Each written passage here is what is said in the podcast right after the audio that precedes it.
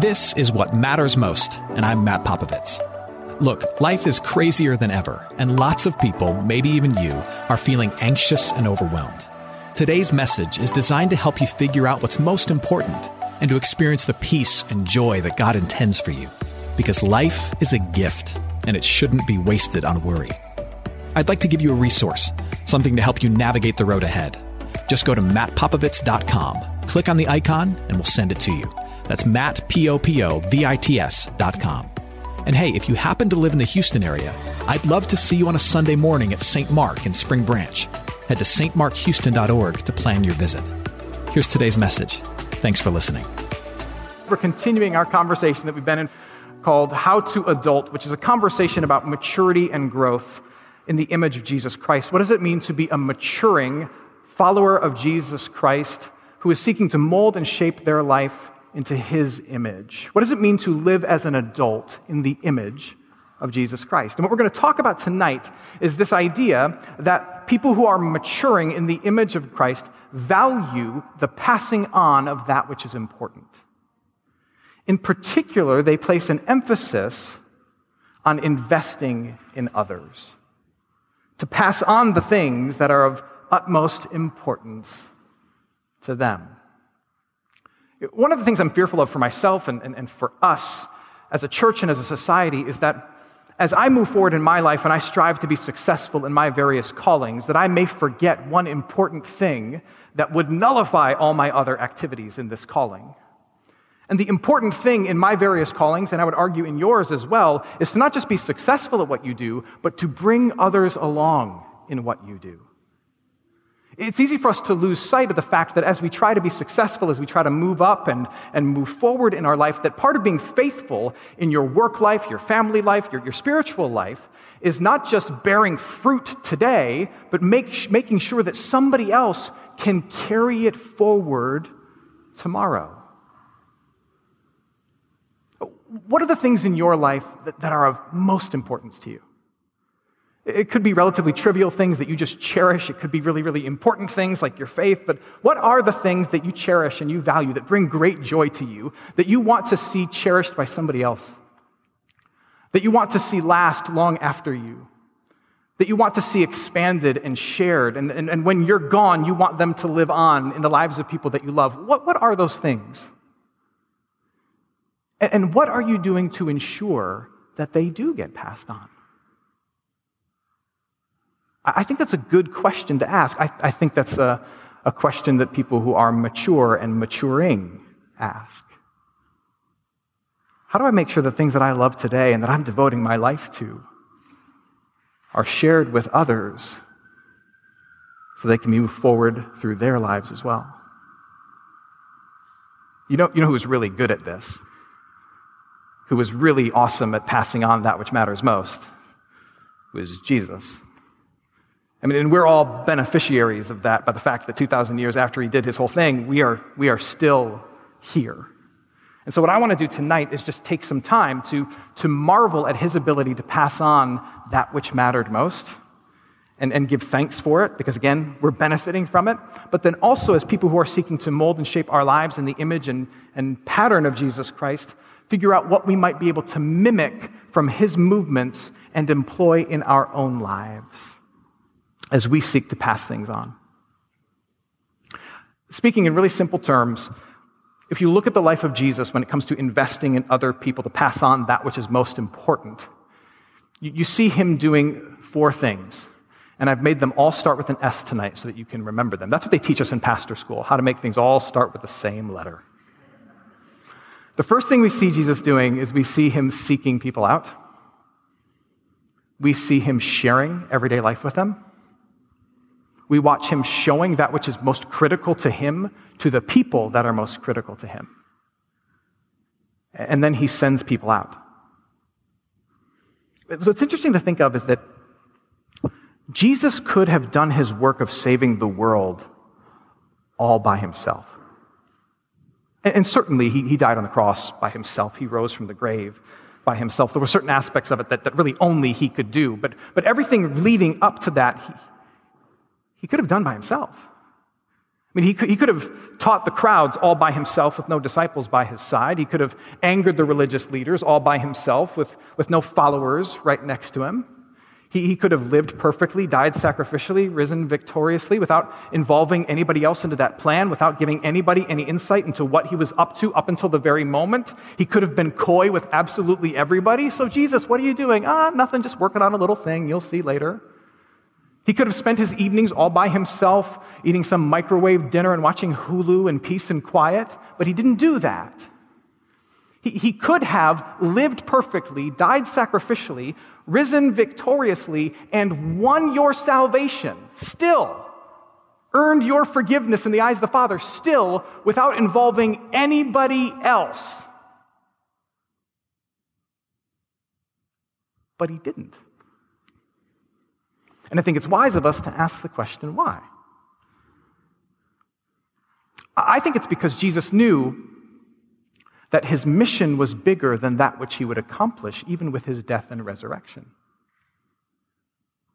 That his death and resurrection is central to our faith. But if he did not put people around him, the mission and the message of his death and resurrection would die even though he had risen because he was going to ascend and take his rightful place at the right hand of the Father. And other people were going to have to take who he was and who he is and what he's done and what he's doing and carrying it out and carry it out into the rest of the world. And so at every turn, he had to invest in other people. That's why. Here's the first thing we see Jesus doing we see Jesus seeking out soft hearted people who were open to his invitation. We see him seeking out people who were open to his influence in their life. And we, we heard that at the call of the disciples that was read just a moment ago, Luke chapter 5. Let me highlight some of this. And Jesus saw two boats by the lake, but the fishermen had gone out of them and were washing their nets. This is the part now where Jesus steals a boat. Getting into one of the boats, which was Simon's, Simon's name is also Peter. So when you see Simon, think Peter, which was Simon Peter's, he asked him to put out a little from the land. I've stolen your boat, now push me out into the water. And he sat down and he taught the people from the boat. So Jesus, as a rabbi, was sitting down in the boat off a little ways from the shore and was teaching a crowd of people. And when he finished speaking, he said to Simon Peter, Put out into the deep and let down your nets for a catch. Now, Jesus was going to give them a fishing lesson, which would later lead to him saying, You're going to follow me and you're going to be fishers of men. This is the start of Jesus' public ministry. He was, he was officially stepping forward into the world as a rabbi, which typically happened around the age of 30. You'd spend the first three decades of your life training and learning, and then you step forward around the age of 30 as a rabbi and you sit and teach, and people come to you. And the typical fashion was that people who wanted to be your disciples, and it was the aim of every young Jewish male, at least the aim of their moms, for them to be the disciple of a prestigious rabbi. And the way it would work is that the prestigious rabbi or the up and coming rabbi would sit there, and wannabe disciples would walk forward and try to prove their worth to the rabbi their knowledge of the Torah, their understanding of this particular rabbi's teachings. They would prove their ability to be a worthy disciple. And then the rabbi, having seen that you've proven yourself, may confer his blessing upon you and say, I'm going to let you follow me. But that's not what we see Jesus doing here. Jesus sits and teaches in a boat, but after he sees some fishermen and he says, Oh, I like these guys and he chooses them. That's, that's not the way it usually works with a rabbi.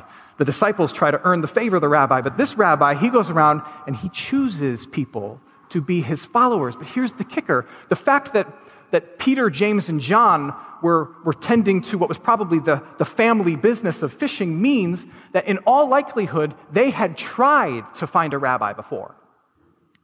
They had auditioned for a rabbi, for a teacher, and apparently we can assume they couldn't cut it. They weren't accepted. They didn't know enough of the Torah. Their life didn't look pretty enough. For whatever reason, they had auditioned for a rabbi. They didn't cut it. They had to go back to the family business. The family business was plan B for every up and coming wannabe young Jewish man. So here's what this means Jesus seeks out disciples who couldn't cut it, who were the castaways and the leftovers. He seeks out people who he knew would be open to his influence, who wanted a rabbi but maybe couldn't find one, who knew that if they would call home and say, Hey, mom, I got picked by a rabbi, mama would be really proud.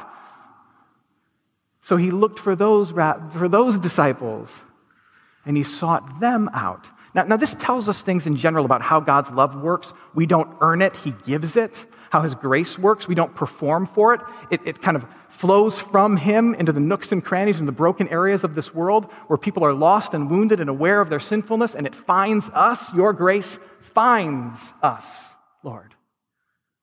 And we see that in how Jesus seeks out the disciples.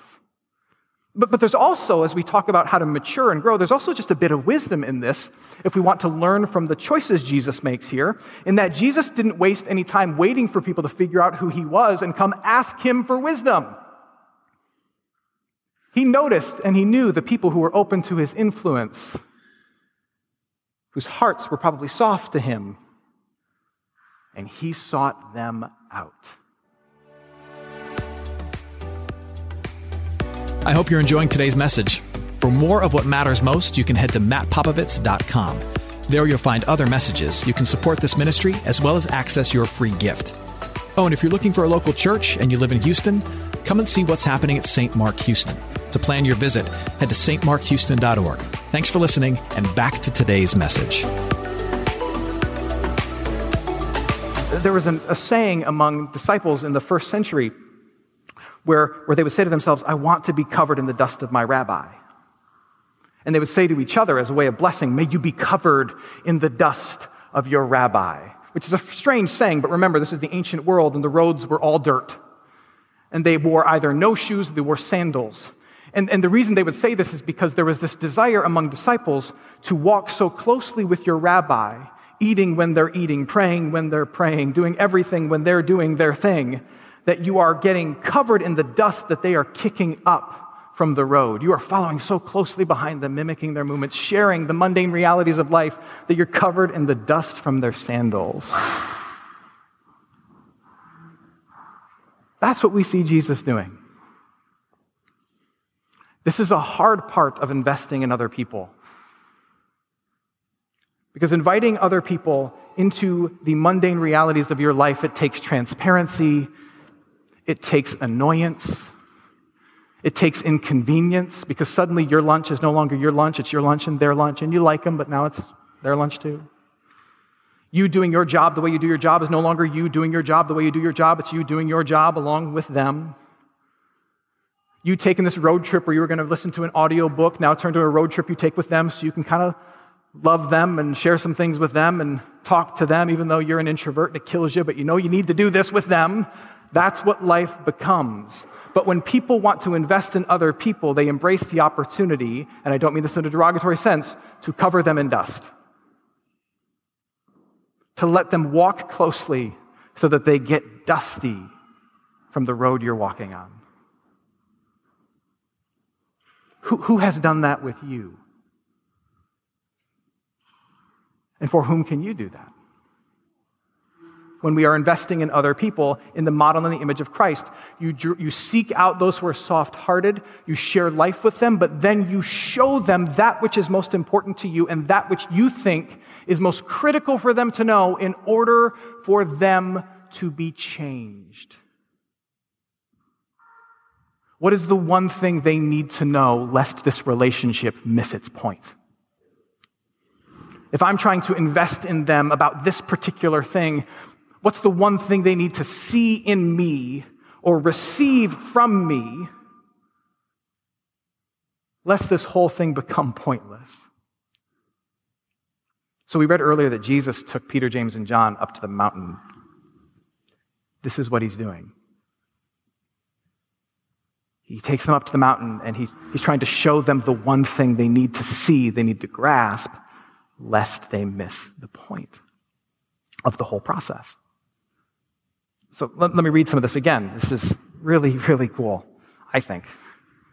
Jesus took with him Peter, James, and John. By the way, who were the first three disciples he called? Peter, James, and John. The relationship has evolved. Jesus called them out of their fishing, and now he's taking them a few years later to this mountaintop experience. This is where the phrase comes from. Jesus took with him Peter, James, and John and led them up a high mountain by themselves, and he was transfigured before them. And his clothes became radiant, intensely white, as no one on earth could bleach them. In other words, this was no trick. And there appeared to them two people who were dead Elijah with Moses and they were talking with Jesus. Elijah in Jewish culture, in, in, in, the Jewish scriptures, and in the Christian scriptures, Elijah is the prophet of all prophets, and, and Moses is the leader of all leaders of God's people. But now they're talking with Jesus as if they're equals, and a cloud overshadowed them, and a voice came out from the cloud, the voice of God the Father, saying, This, referencing Jesus, this is my beloved Son, listen to him. This is profound for Jewish young men like Peter, James, and John. God the Father is pinpointing Jesus in the midst of Moses and Elijah, the two most important figures in Jewish culture. God is saying, in the presence of Moses and Elijah, this is my son, and out of the three of them, you should listen to who? To him. This is mind blowing for them. And suddenly, looking around, they no longer saw anyone with them, but Jesus only this is important for Mark. Jesus only, as if that's the point of this whole section. It's about Jesus. This was the most critical moment in Peter, James, and John's discipleship. Jesus took them to the mountain, and he's, he's in all likelihood saying to himself, This is the one thing they need to see in me, lest we miss the point. This is the one thing they need to grasp, lest all of this be null and void. They need to see that I am the truer and greater Elijah. They need to see that I am the truer and greater Moses. They need to see that I am God's own son sent to save the world. If they don't see this and grasp this and have all that other stuff disappear and have just me in front of their eyes making the point that it's all about me, if they don't grasp this, then this is for naught. And so he showed it to them. Again, as you think about the things that you want to pass on to the people around you who are open to your influence, have you ever asked yourself, what's the one thing they need to know, lest this relationship be for nothing?